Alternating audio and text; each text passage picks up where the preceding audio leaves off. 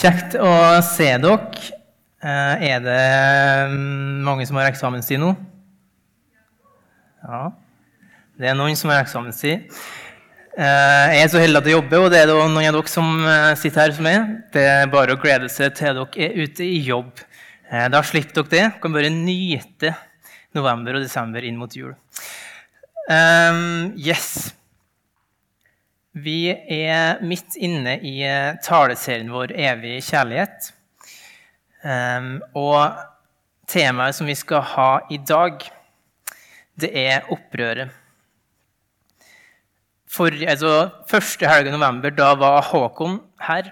Hadde den første talen. Han viste oss at Gud er kjærlighet. Gud elsker fordi han er kjærlighet. Er den han er, så han kan ikke gjøre noe annet. Gud er kjærlighet. Og så er det noe utrolig frigjørende med det at Gud er kjærlighet. Fordi det betyr at vi trenger ikke å streve for å gjøre oss elskbare fordi Gud elsker pga. hvem han er. Vi trenger ikke å gå rundt og lure på om Gud elsker oss, akkurat som at Gud var en lunefull Gud. Nei.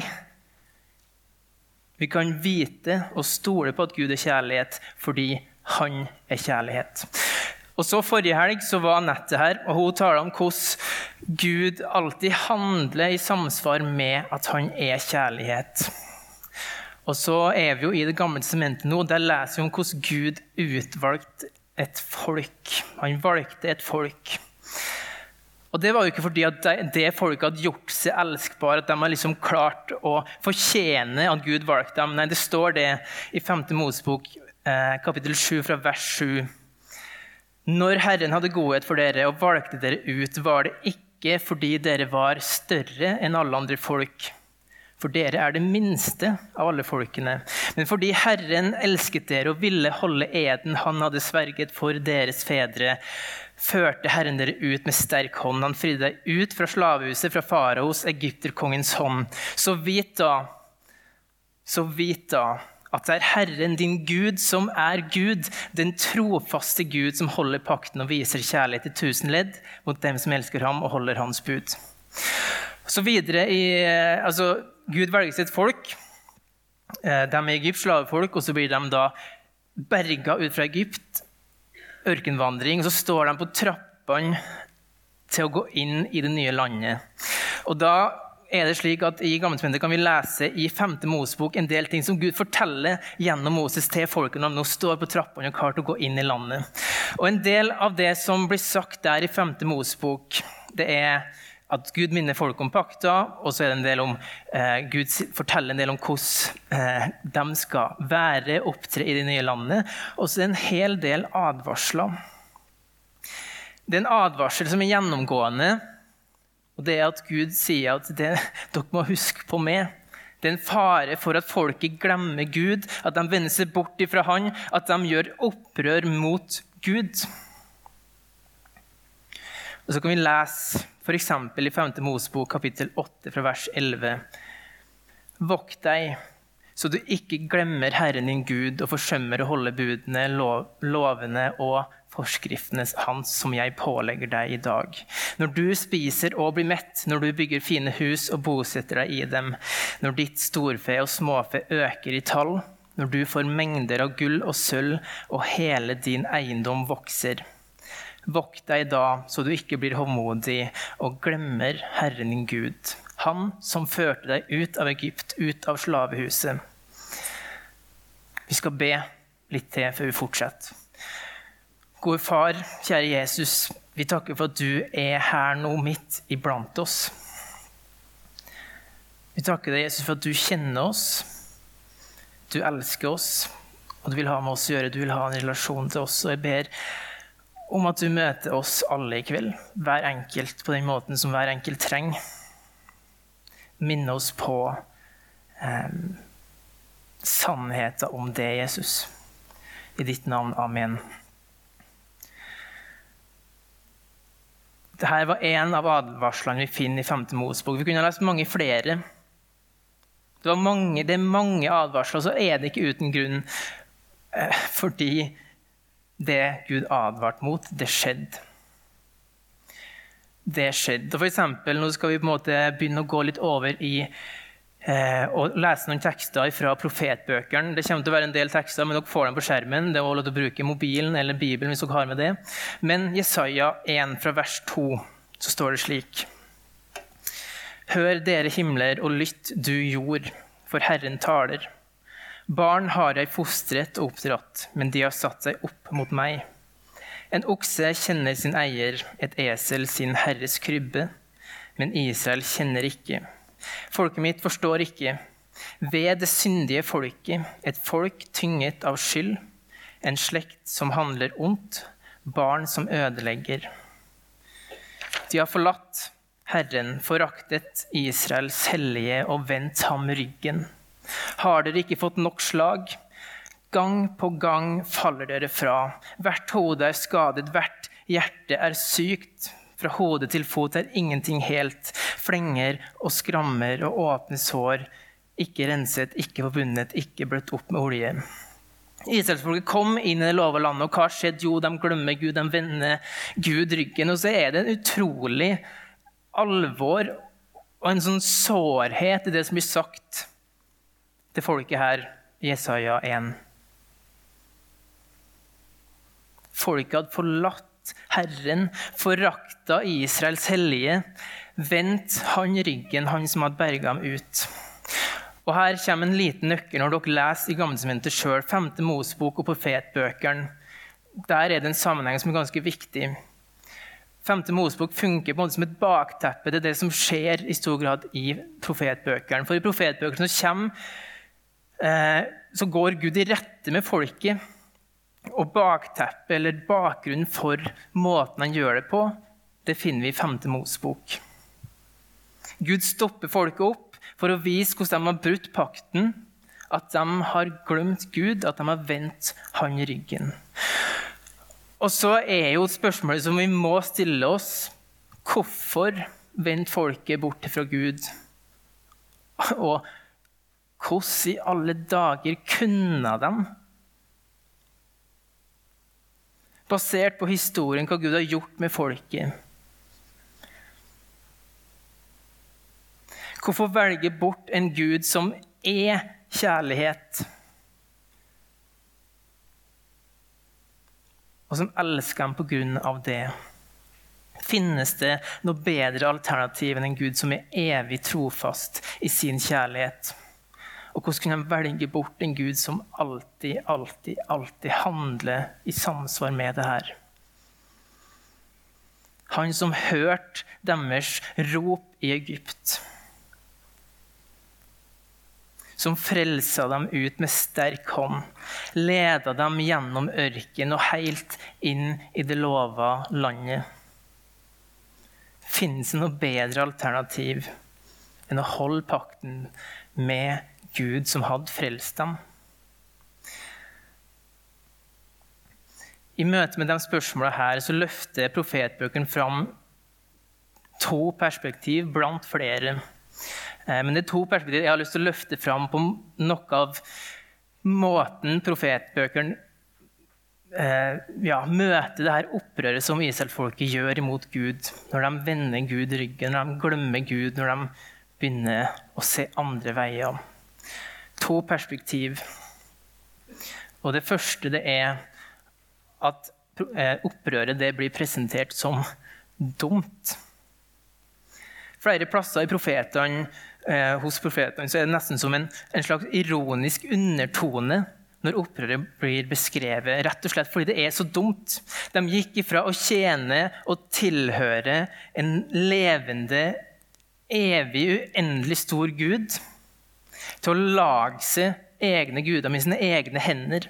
For å stole på Han som er skaperen, som holder alt oppe, til å stole på noe som de sjøl har laga med sine egne hender.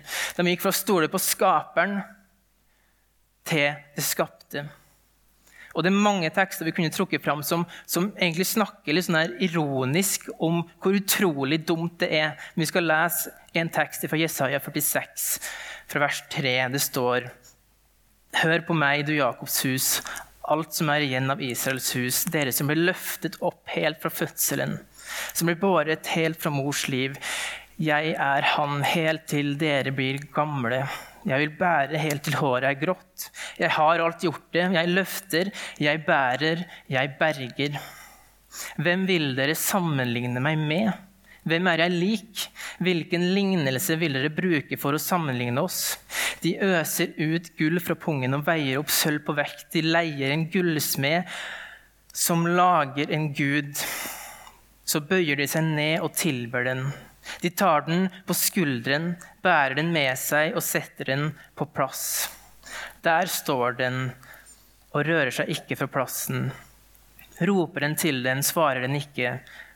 Den kan ikke frelse fra nød. Opprøret er dumt. Kontrasten som kommer fra meg, kunne ikke vært større. Gud beskriver seg sjøl som den evige som har løfta, båret og berga, som alltid vil være sånn. Han som var grunnen til at de var der de var. Han hadde løfta dem ut fra Egypt og løfta dem, båret dem, berga dem helt inn til landet. Folket vender seg bort. Men de hadde ikke vært der de var, hadde ikke vært for hva Gud har gjort i historien. Men de vendes bort. De oppfører seg som om Gud var ingenting verdt, som om Gud ikke hadde gjort noe. Og så lager de seg guder sjøl. Og så kommer denne ironiske undertonen fram, for kontrasten blir så stor. Fra en levende Gud som hører, som berger, en som alltid er der, til å få en gullsmed til å støpe sin gud. Så de skal bære rundt omkring, sett der, og der står den, og den kommer aldri til å høre det. Den kommer aldri til å berge det. Opprøret er dumt. En annen tekst i Jeremia 10. Vi skal få opp på skjermen. Vi skal ikke lese den. Men igjen, der blir de gudene som Israelfolket lager, de er sammenligna med fugleskremsel på en agurkmark. De kan ikke snakke, de kan ikke gå. Og kontrasten til en evig Gud kunne ikke vært større. Du er stor, navnet ditt er stort og mektig. Herren er den sanne Gud, den levende. Den evige, kong, den evige konge. Opprøret er dumt. Det andre perspektivet det er at opprøret er galt. Eh, eller det føles litt banalt å si galt. Opprøret er ondt. Og det er kanskje enda verre at det er ondt enn at det er dumt.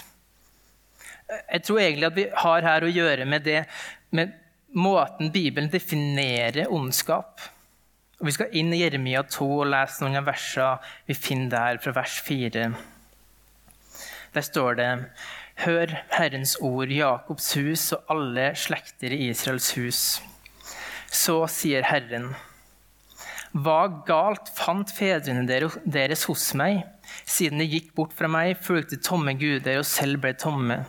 De sa ikke 'Hvor er Herren som førte oss opp fra Egypt og ledet oss gjennom ørkenen', et land med stepper og kløfter, et land med tørke og dødsskygge, et land der ingen ferdes og ikke et menneske bor. Så hopper vi noen vers. Mitt folk har byttet ut sin ære med det som ikke kan hjelpe. Himmel blir skremt og skjelv av skrekk over dette, sier Herren. For to onde ting har folket mitt gjort. De har forlatt meg, kilden med levende vann, og hogget seg brønner, sprukne brønner som ikke holder vann. Så opprør ikke bare dumt, men det er ondt. Gud spør retorisk hva galt har jeg gjort dere? Hva galt har jeg gjort dere? Folket vendte bort. Det er to onde ting folk hadde gjort. De hadde forlatt Gud, han som førte dem ut av Egypt, han som er kilden med levende vann.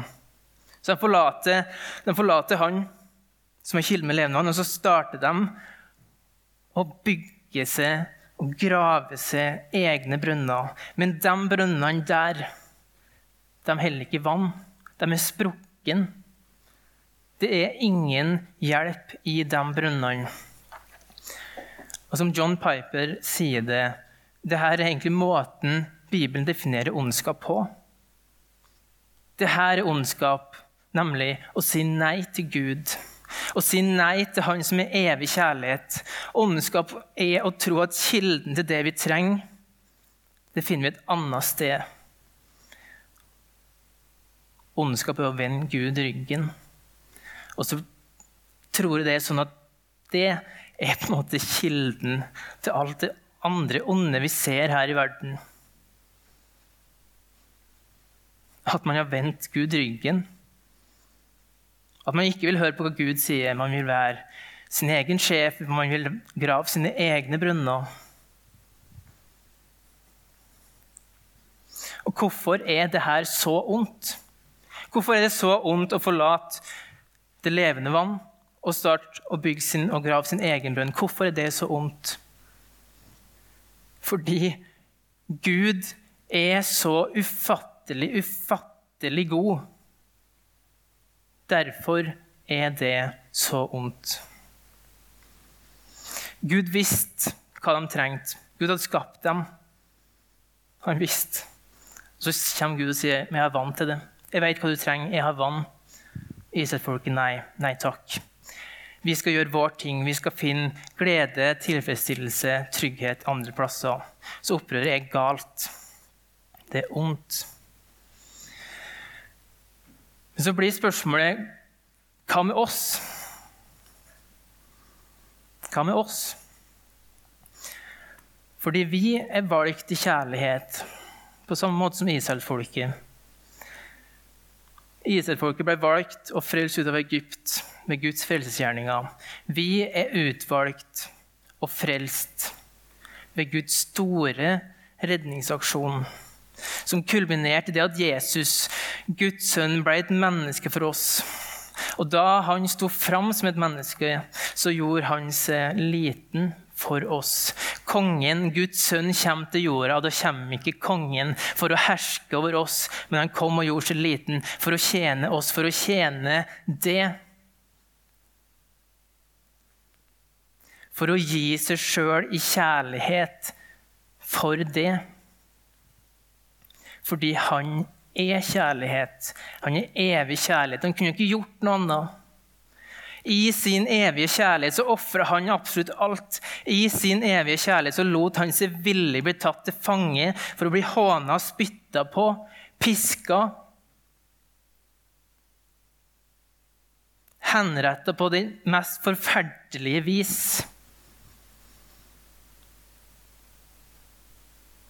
Fordi han elsker det, fordi han er kjærlighet. Greia er at dette er din redning, dette er min redning. Dette er grunnen til at vi er her. sant? Dette er grunnen til at vi er her, og at vi får lov til å stå her i fullkommen frihet. Ren, rettferdig, i evighet. Det er pga. det Jesus har gjort, det han gjorde for oss i sin evige kjærlighet. Det er grunnen til at vi får lov til å samles her hver lørdag, tre fram for Guds trone med frimodighet på det han har gjort.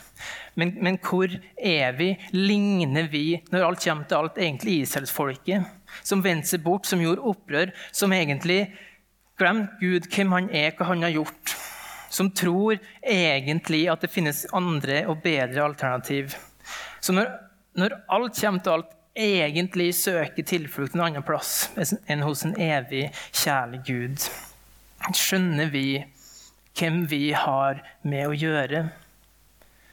Skjønner vi egentlig hvem Gud er, hva han har gjort? Um, og dette er et spørsmål som egentlig israelsfolket igjen blir spurt om i Gammelsmentet. Vi skal lese en vers fra Mika 6. Igjen så kjennes spørsmålet fra Gud. Mitt folk, hva har jeg gjort det? Hva har jeg tretta det med? Svar med sier Gud, for jeg førte opp fra Egypt og jeg fridde ut fra slavehuset. Jeg sendte Moses, Aron og Miriam i spissen for det. altså det her handler jo om utgangen fra Egypt og inn i lovlandet. Det her er gjort for det. Mitt folk, husk og igjen en rekke ting som skjedde på veien fra Egypt til det lova landet. Mitt folk, husk, så du kan skjønne Herrens frelsesgjerninger. Husk, så du kan skjønne.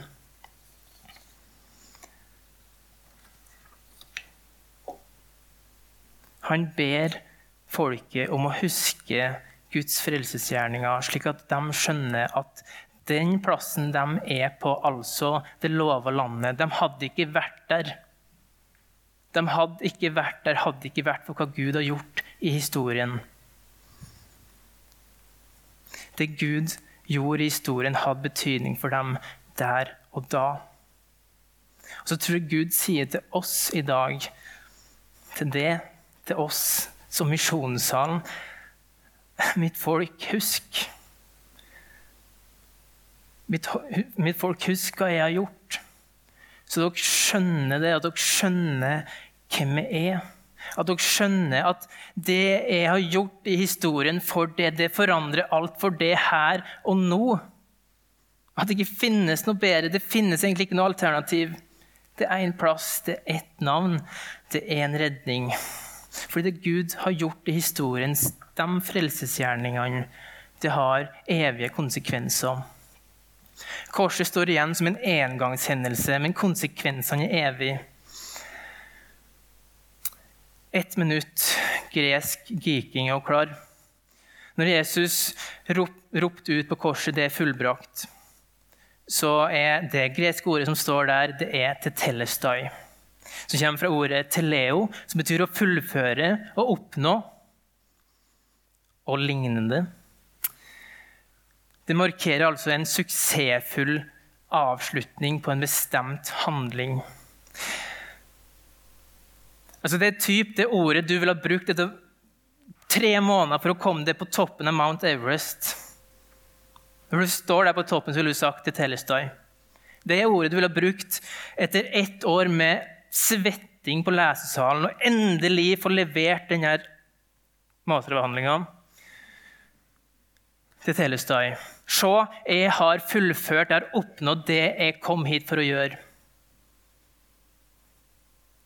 Og ikke nok med det, men til Telestai Dere hører at det er en forskjell på teleo, som er liksom grunnformen, da, og Telestai. Det er for at ordet står i perfektum. Det er perfektumform. Og den formen brukes om en handling som er fullført i historien, men som har langt mer vidtrekkende konsekvenser enn der og da. Perfektumformen sier ja, det her skjedde. Det har skjedd én gang, men det fortsetter å skje. Det skjer i dag, og det vil fortsette å skje. Ikke som at Jesus dør hver dag, men det han gjorde, har evige konsekvenser her og nå. Og det vil alltid ha det til Telestai. Det er fullbrakt. Jesus fullførte det han kom for å gjøre. Og det er derfor vi er her.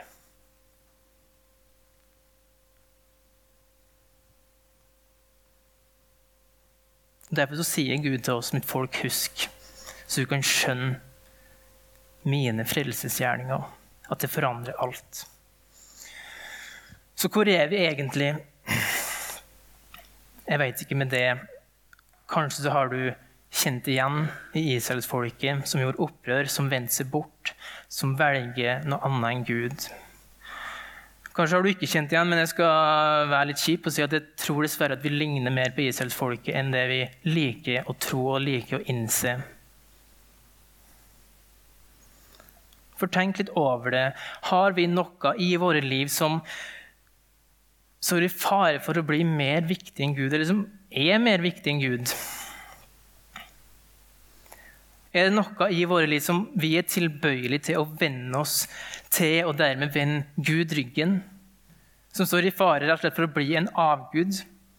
Er vi egentlig på en plass i livet der det er noe vi har på et eller annet nivå som er så sentralt, så essensielt for oss, at hvis vi mister det, så er egentlig ikke livet så mye verdt lenger?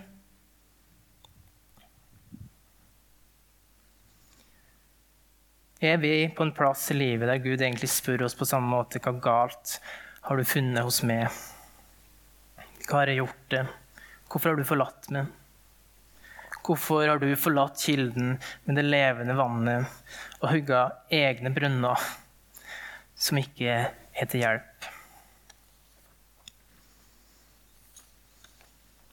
Har vi forlatt kilden der vi finner alt vi trenger til fordel for en sprukken brunn Fordi at vi tror det finnes større glede, trygghet, tilfredsstillelse i denne skitne, elendige brønnen enn kilden med levende vann. Man finner ikke det man leter etter i en sprukken brønn. Pengebrønnen, den er sprukken. Sexbrønnen er sprukken, maktbrønnen er sprukken. Kjærestebrønnen, ektefellebrønnen, sprukken.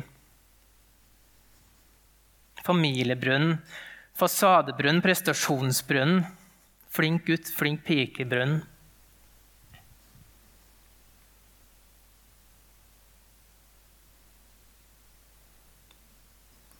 Alle mulige brønner vi kan finne på å grave, de er sprukken. Likevel så har vi en tendens å søke de her brønnene. Grav en eller annen plass i verden, grav en eller annen plass i oss sjøl med et håp om å finne det vi lengter etter. Finne det som vi liksom trenger.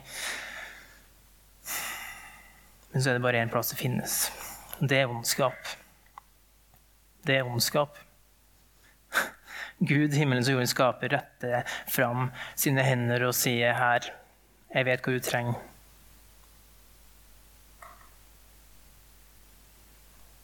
Vi smaker på det. Smaker på det her levende vannet. Jeg tenker æsj, nei. Nei takk. Så starter vi å grave i verden, grave i oss sjøl, på leiting. I verden eller i oss sjøl og ikke Gud.